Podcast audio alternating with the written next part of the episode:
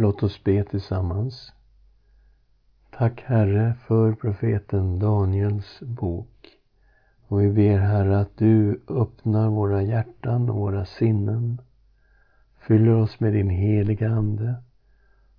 Och tala till oss genom den här boken. I Jesu Kristi namn. Amen. Ja, Daniel var ju samtida med Jeremia och samtida med Hesekiel. Och första gången vi hör talas om Daniel i år 605 f.Kr. Och då var han bara en ung tonåring. Men det här innebär ju också att när vi nu ska göra bakgrundsstudiet för Daniels bok då täcker det ungefär samma generella bakgrund som Jeremia och Hesekiel. Så vi ska hoppa över en hel del av det som har gått igenom med de böckerna. Och vi ska titta på det babyloniska imperiet som blev det imperium som styrde hela den här regionen från 605 och framåt. Det babyloniska imperiet, då brukar vi säga att det börjar 626 f.Kr. och det sträckte sig fram till 539 f.Kr. Så det är mindre än 100 år vi talar om. Den första kungen hette Nabopolassar.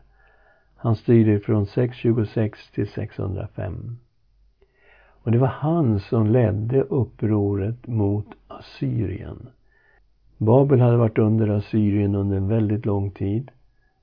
Och man räknar att Babel blev självständigt från och med 626 f.Kr. Det är sant att det var ett antal militära slag mellan Babel och Assyrien. Men Babel var för det mesta segrande i de här striderna.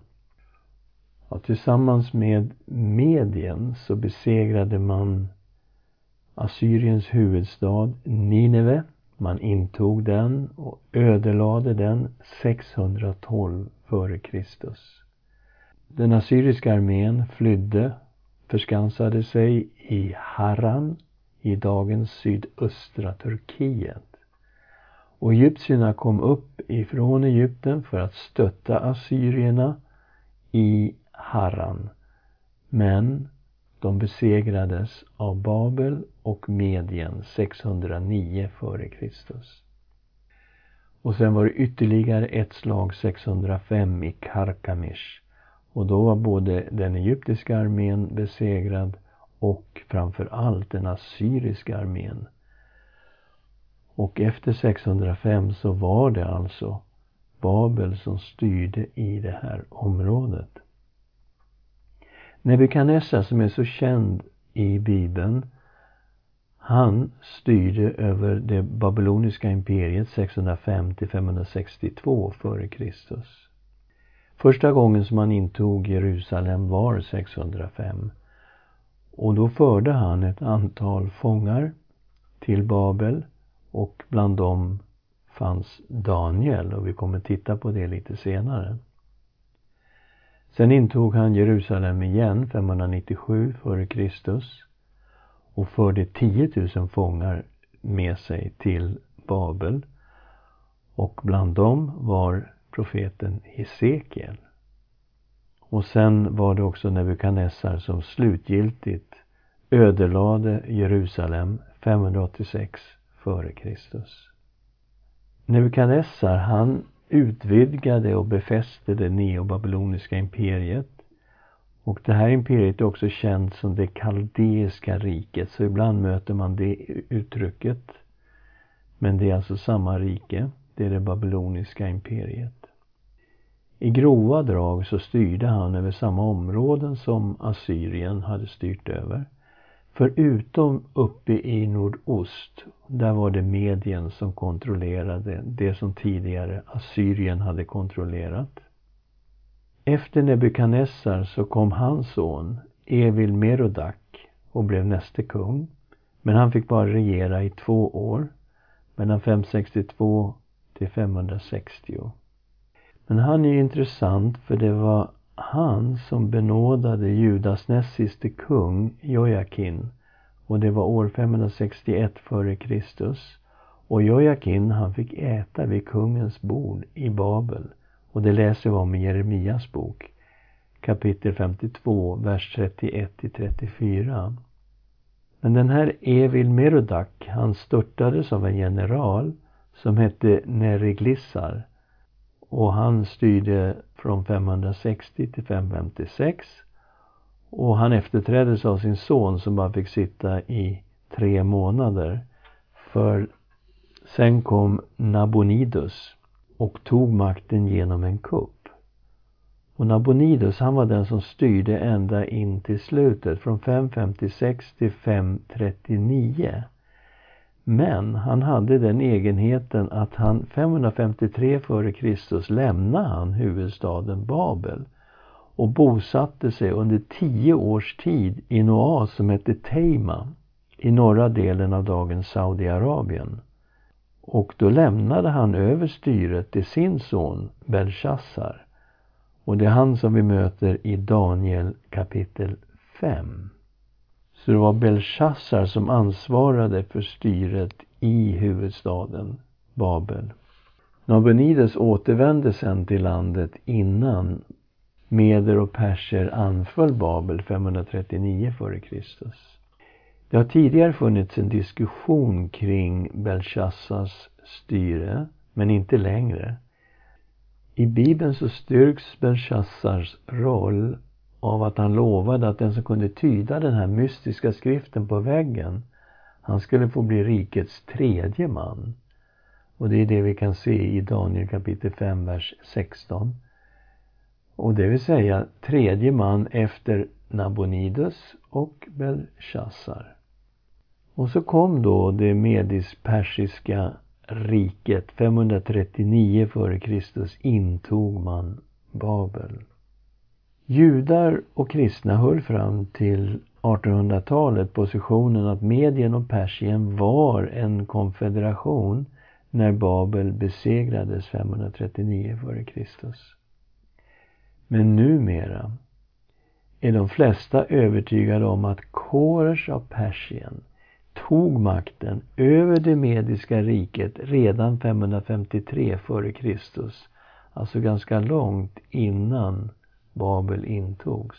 Och att Medien i praktiken inte existerade när Babel invaderades. Man baserar det här på den grekiske historikern Herodotos som levde 484 till 425 f.Kr. Men man baserade också på kilskriftscylindrar från kung Korers tid. Och om det här är sant, då tyder det på att viktiga delar av Daniels bok är historiskt felaktiga. Steven Anderson, han skrev en avhandling 2014 som utmanade den här historieskrivningen. Hans avhandling heter Darius the Mede a Reappraisal. Och man kan läsa den här avhandlingen på nätet. I avhandlingen visade han att Herodotos själv skrev att han kände till fyra olika versioner av hur Koresh kom till makten men han har enbart redogjort för en av de här. Anderson har också visat att Herodotos han har fel på flera viktiga punkter angående Koresh. Idag betraktar man dessutom kilskriftskrönikorna som rör just Koresh som tillrättalagd propaganda. De här var till för att legitimera hans styre över Babylon och därmed måste de faktiskt tas med en nypa salt. Anderson lyfte fram en annan grekisk historiker som hette Xenofon och han levde 430 till 354 f.Kr. Hans version av hur Koresh kom till makten skiljer sig från Herodotos på flera punkter. Men det som är intressant med Xenofon är att hans version stämmer mycket väl överens med Daniels bok. Om vi ska se hur Anderson har argumenterat. Vi ska titta först på Xenofons historieskrivning. Xenofon skrev att den mediske kungen Astyages tog initiativ till en konfederation med Persien för att bemöta hotet från Babel. Och det här bevisas av att Astyages, han gav sin dotter Mandane till hustru åt den persiske kungen Kambyses. Och Mandane blev därmed mamma till Koresh. Så Koresh var alltså svärson till den här kungen som tog initiativ till federationen. Och just den här detaljen med att Mandane eh, gavs till Kambyses och att hon var mamma till Koresh, det är bekräftat också av Herodotos. Medien var starkare än Persien och företrädde det medisk-persiska riket.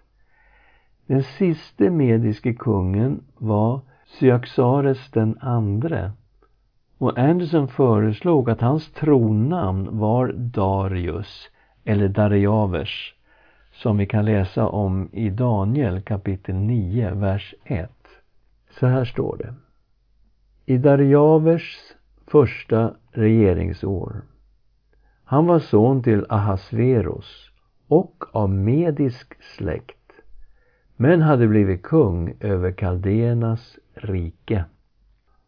Och ett tronnamn, det var ju ett namn som kungen tog när kungen besteg tronen. Så han hade på så sätt två namn kan man säga. Och på den tiden var oftast ett tidigare kunganamn ett tronnamn. Och Darejavers var just ett sådant namn. Medien, Syaxares den andre, han var alltså Korers morbror. Men han hade ingen egen son, utan han gav sin dotter till hustru åt Koresh av Persien. Så hon var då kusin med Koresh. Det innebär i så fall att Syaxares, han var ju både morbror och svärfar till Koresh. Och den här mediske kungen, Syaxares den andre, han dog 537 före Kristus. Alltså bara två år efter att Babel hade intagits.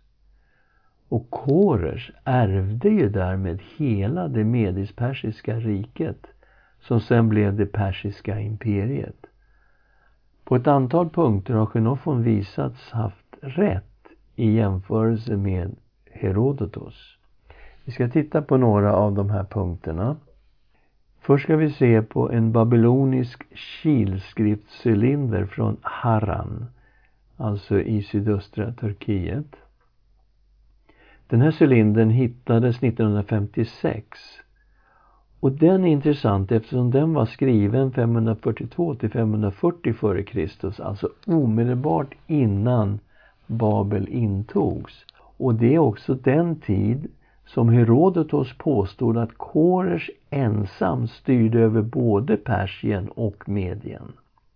På stelen har Babylon listat länder som kunde betraktas som fiender.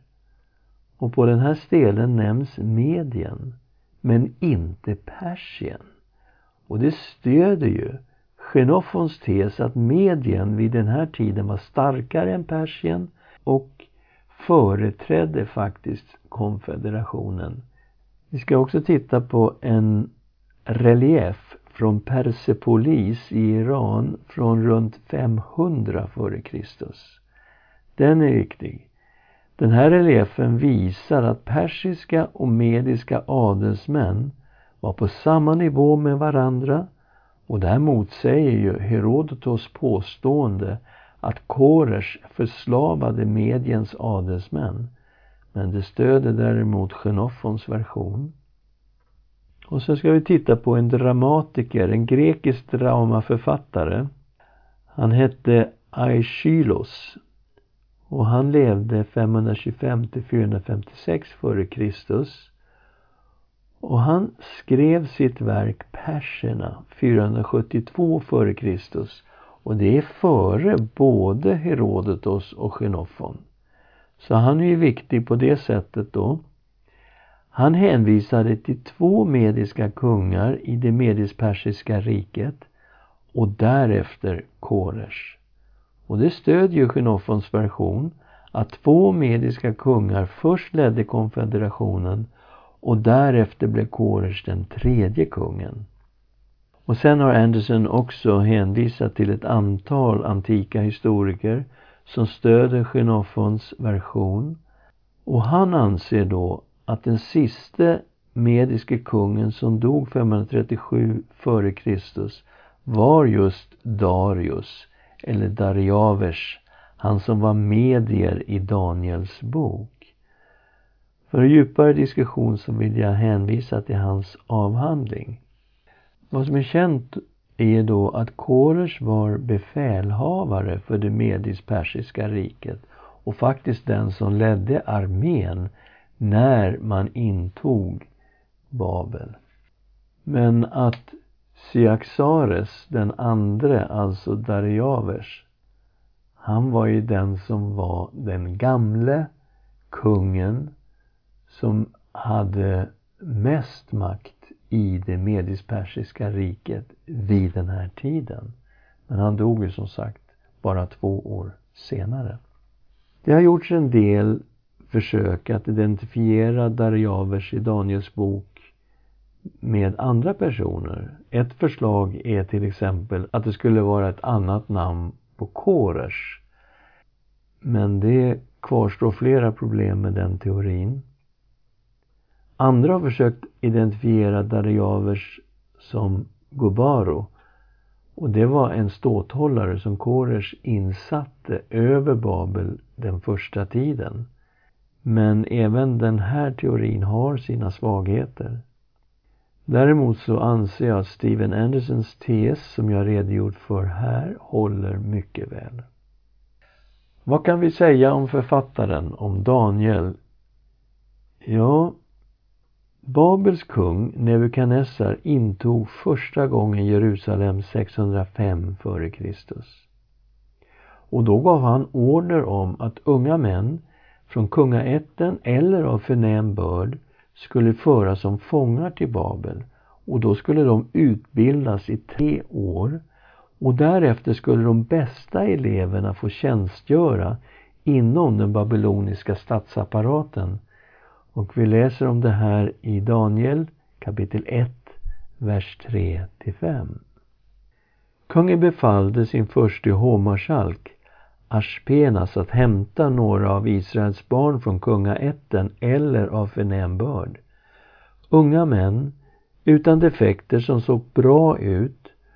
De skulle kunna tillägna sig all slags lärdom, vara kloka, ha lätt för att lära och vara dugliga att tjäna i kungens palats. De skulle få undervisning i kaldéernas litteratur och språk. Kungen bestämde åt dem en daglig tilldelning av kungens egen mat och av vinet som han själv drack. De skulle läras upp i tre år och därefter tjänstgöra hos kungen. Och när Daniel togs till Babel Ja, då förstår vi att han var troligen bara en ung tonåring. Och vi möter honom i kapitel 1, vers 6. Bland dem var Daniel, Hananja, Mishael och Asarja av judastam. Men förste hovmarskalken gav dem andra namn. Daniel kallade han Belteshazzar. Hananja Shadrak, Mishael Meshak och Asarja Abednego. Och vi kommer ju möta de här fyra personerna i Daniels bok. Daniels namn betyder Gud är min domare. Men när de väl kom till Babel så fick de här judiska studenterna alltså babyloniska namn och de här namnen var kopplade till Babels gudar. Vännerna beslöt att försöka slippa att orena sig med kungens mat och framförallt köttet som troligen först offrats till avgudar. De bad den ansvarige att på prov få äta enbart grönsaker och dricka vatten istället för vin. Och Gud välsignade dem. Han lät dem klara testet och de slapp äta kungens mat. Den här situationen var ju väldigt lik den som judarna befann sig i i romarriket och som Paulus skrev om till församlingen i Rom. Vi läser i Romarbrevet kapitel 14, vers 1 till 4. Den som är svag i tron ska ni ta emot utan att döma över hans betänkligheter. Den ene har tro till att äta allt. Den andra är svag och äter bara grönsaker. Den som äter ska inte förakta den som inte äter. Och den som inte äter ska inte döma den som äter. Gud har ju tagit emot honom. Vem är du som dömer en annans tjänare? Det är inför sin egen Herre han står eller faller. Men han kommer att stå, för Herren har makt att hålla honom upprätt. Och här ser vi ju vad det handlar om. Att en del av judarna hade problem att äta köttet därför att köttet i romarriket det var först offrat till avgudar och de kunde ju naturligtvis hänvisa till just Daniel kapitel 1 och vad Daniel och hans vänner beslöt sig för att göra. Men Paulus tar ju positionen att vi ger frihet, vi ska inte döma varandra. Det visade sen också att Daniel och hans vänner, de utmärkte sig bland alla eleverna. De var visare och hade större kunskap än alla andra. Daniel kunde ju dessutom med Guds hjälp tyda syner och drömmar. Och alla fyra vännerna fick snart börja tjänstgöra hos kungen. Och de blev kvar inom hovet ända till den persiske kungen Korers första regeringsår och då räknar vi det från 539 f.Kr. när Babel föll. Vi läser kapitel 1, vers 17 till 21. Åt dessa fyra unga män gav Gud kunskap och insikt i all slags skrift och vishet. Och Daniel förstod alla slags syner och drömmar. När tiden var inne då kungen bestämt att de skulle hämtas fördes de av förste hovmarskalken inför Nebukadnessar. Kungen talade med dem och det fanns ingen bland dem alla som kunde jämföras med Daniel, Hananja, Mishael och Asarja. De fick därför tjänstgöra hos kungen. Han fann att de i allt som krävde vishet och förstånd var tio gånger klokare än alla de spåmän och besvärjare som fanns i hela hans rike. Och Daniel blev kvar där ända till kung Korers första regeringsår. Och vi läser ju också i Daniels bok att Daniel fick ju dessutom tjänstgöra under en kort tid i början av det medis-persiska riket. Det läser vi om i 530 kapitel 6, vers 28, 9 och 1 och 10 och 1. En intressant detalj är att Hesekiel, han var ju samtida med Daniel. Men han nämnde Daniel i samma andetag som Noa och Job i Hesekiel kapitel 14, vers 14. Om då dessa tre män fanns i landet, Noa, Daniel och Job, så skulle de genom sin rättfärdighet bara rädda sina egna liv, säger Herren Gud. Och man kan ju verkligen bli förvånad.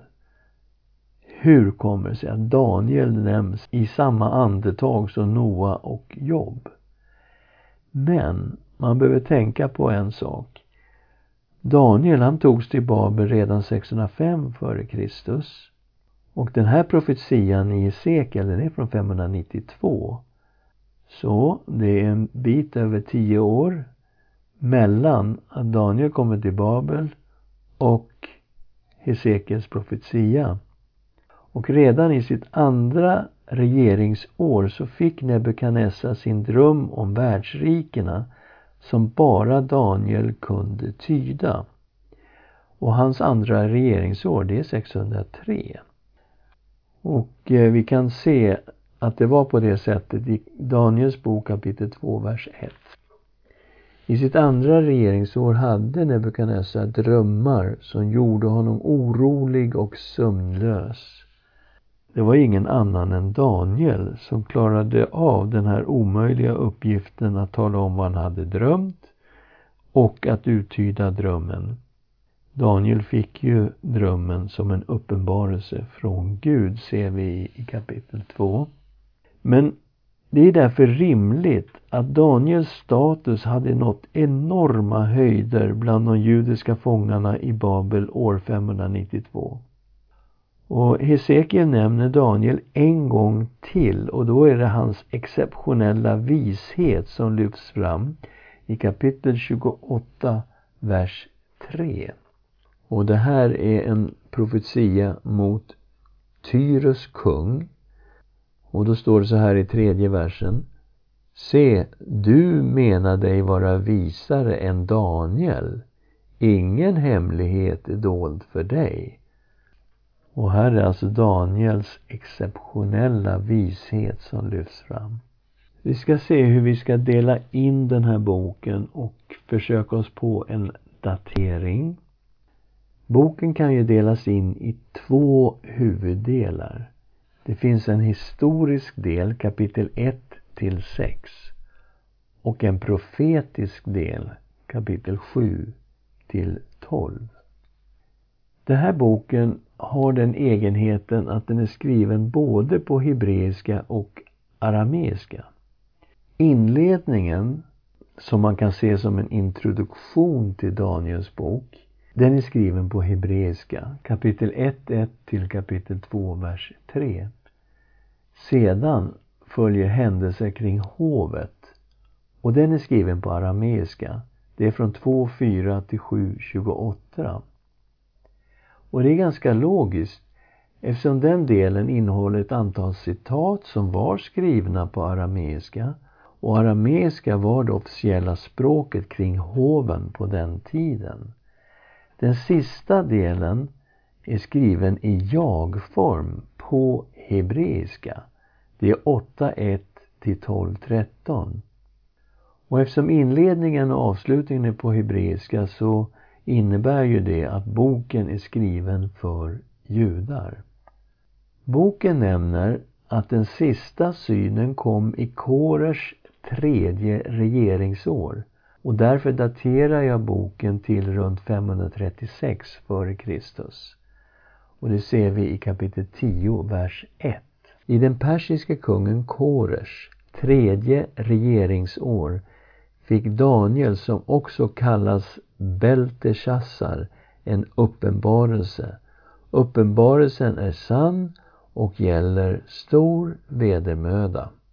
Så jag har delat upp boken då Eh, utifrån den historiska delen som vi ska titta på först, kapitel 1, 1 till 6, 28. Och sen ska vi gå in i den profetiska delen 7, 1 till 12, 13. Vi kommer ta det här bit för bit när vi sen studerar Daniels bok. Vi ska titta på temat. Huvudtemat i boken är den suveräne guden och hans eviga rike. Det är huvudtemat. På flera ställen prisas Daniels Gud eller himlens Gud som den suveräne guden. Och när det gäller hans rike så framställs det som ett evigt rike som inbegriper alla folk i hela världen. Det här är en fantastisk bok på så många olika sätt. Låt oss be tillsammans. Tack Herre för Daniels bok. Och tack Herre för det här huvudtemat som vi kommer att möta i den här boken att du är den suveräne guden men också att du har ett evigt rike. Och vi vet, Herre Jesus Kristus, att du är kungen i detta eviga rike. Led oss, vi ber, när vi studerar boken. I Jesu Kristi namn. Amen.